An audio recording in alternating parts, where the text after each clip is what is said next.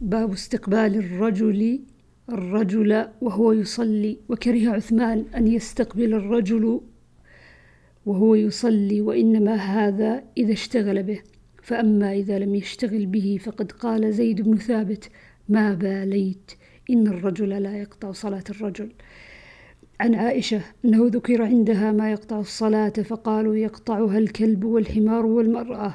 قالت لقد جعلتمونا كلابا لقد رأيت النبي صلى الله عليه وسلم يصلي وإني لبينه وبين القبلة وأنا مضطجعة على السرير فتكون لي الحاجة وأكره أن أستقبله فأنسل, فأنسل انسلالا.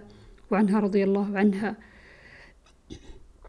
قالت كان النبي صلى الله عليه وسلم يصلي وأنا راقدة معترضة على فراشه فإذا أراد أن يوتر أوقظني أيقظني فأوترت.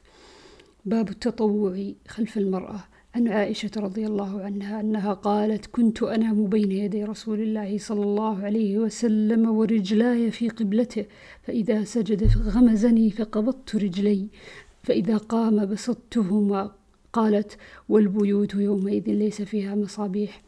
باب من قال لا يقطع الصلاة شيء. عن عائشة رضي الله عنها أنه ذكر عندها ما يقطع الصلاة الكلب والحمار والمرأة. فقالت عائشة شبهتمونا بالحمر والكلاب؟ والله لقد رأيت النبي صلى الله عليه وسلم يصلي وإني على السرير بينه وبين القبلة مضطجعة فتبدو لي الحاجة فأكره أن أجلس فأوذي النبي صلى الله عليه وسلم فأنسل من عند رجليه. وعنها رضي الله عنها أنها قالت لقد كان رسول الله صلى الله عليه وسلم يقوم فيصلي من الليل وإني لمعترضة بينه وبين القبلة على فراش أهله. باب إذا حمل جارية صغيرة على عنقه في الصلاة.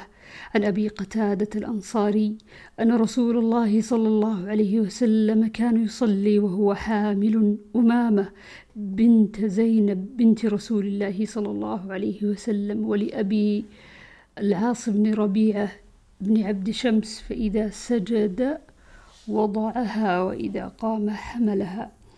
باب إذا صلى إلى فراش فيه حائض. وعن ميمونة بن الحارث قالت كان فراشي حيال مصلى النبي صلى الله عليه وسلم فربما وقع ثوبه علي وأنا على فراشي.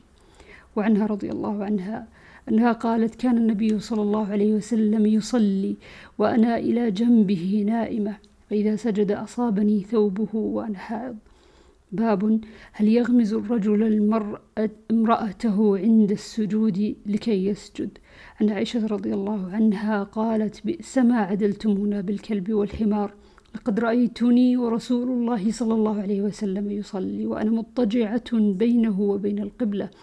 فإذا أراد أن يسجد غمز رجلي فقبضتهما.